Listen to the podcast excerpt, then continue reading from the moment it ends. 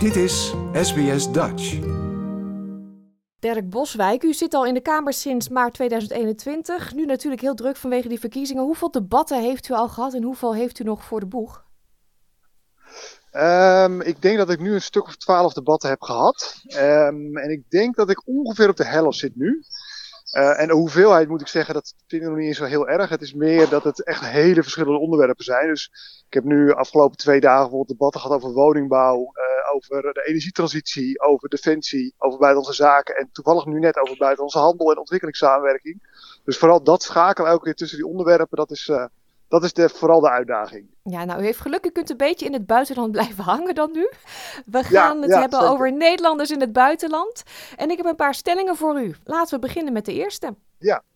Nederlanders mogen zonder verlies van hun Nederlanderschap een tweede nationaliteit aannemen. Wat vindt het CDA daarvan en waarom?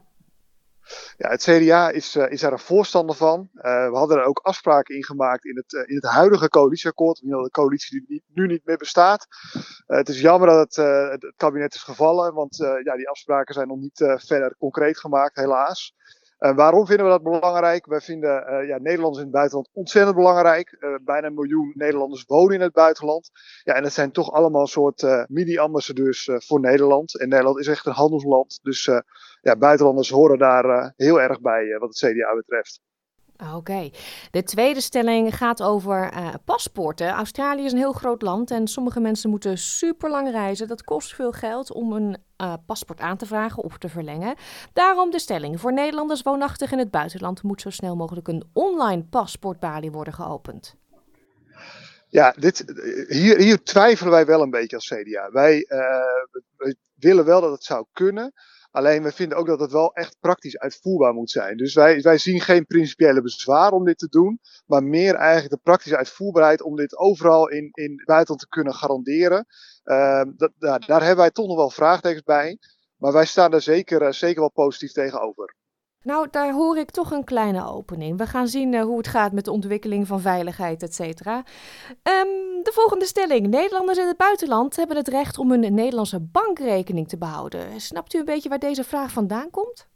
Uh, nee, eerlijk gezegd, ik snap niet waar hij helemaal vandaan komt. Tenminste, moet ik dat weten? Nee, nee, helemaal niet. Maar dan licht ik het even toe. Het gaat erom, um, als je in het buitenland woont, het is al veel gebeurd bij veel mensen. Die krijgen dan een brief van de bank in Nederland, waarin eenzijdig dus uh, de relatie wordt opgezegd. Omdat je in het ah, buitenland zo, woont, ja. mag je geen rekening meer behouden in Nederland. Ja, um, ja. Nou, vandaar de stelling. Dat zou wel moeten kunnen. Ja, nee, nu snap ik inderdaad waar het over gaat. Nou, ik heb dit probleem vaker gehoord. En dan niet zozeer over particulieren, maar wel over NGO's die dat daar ook mee te maken hebben. En wij hebben hier ook als CDA ook meerdere keren ook moties over ingediend en ook gesteund.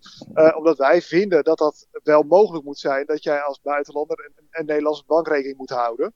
En we vinden eigenlijk dat de wetgeving, en die komt voort uit nou, de hele witwas- en terrorisme-wetgeving, uh, uh, dat die eigenlijk op dit punt veel te rigoureus is en eigenlijk voorbij gaat aan de, ja, aan de praktijk waar heel veel uh, Nederlanders in het buitenland mee te maken hebben. Dus wij vinden inderdaad dat, dat, uh, dat het wel mogelijk moet zijn.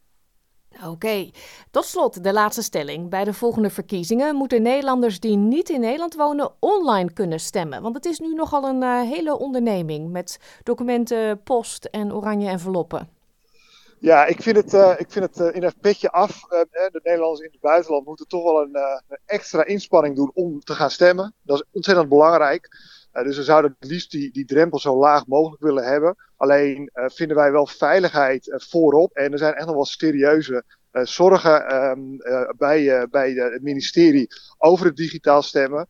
En ja, bij twijfel vinden wij wel dat, het, dat veiligheid voorop moet gaan mocht er het uiteindelijk zo zijn dat echt gegarandeerd kan worden dat het waterdicht is, dan zullen wij daar zeker niet vol gaan liggen.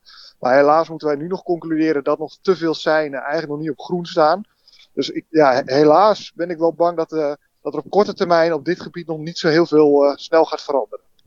Nee, en dat we gewoon blijven versturen per post. ja, ja, helaas. Ja, dat is niet anders. Um, we sluiten altijd af met een vraag. Uh, ook heel belangrijk, denk ik. Wat gaat het CDA de komende vier jaar specifiek doen voor Nederlanders die in het buitenland wonen? Dus eigenlijk vraag ik in andere woorden: waarom moeten wij op uw partij stemmen? Ja, waarom moet u, moet, zou u op het CDA moeten stemmen? Nou, eigenlijk bij het CDA is het buitenland altijd in goede handen geweest. Wij hebben een hele lange traditie uh, met het buitenland. Wij leveren heel vaak de minister van Buitenlandse Zaken. En dat is niet voor niets, omdat wij namelijk het grote belang van Nederland in het buitenland ook zien. En ook serieus nemen. Uh, wij hebben ook uh, afdelingen, CDA-afdelingen in verschillende landen in het buitenland.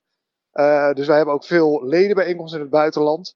En dat, dat is ontzettend zinvol, want het helpt mij gewoon als, als woordvoerder buitenlandse zaken om op specifieke thema's uh, ja, ook meteen in korte lijn te hebben met de volksvertegenwoordiging hier in Den Haag.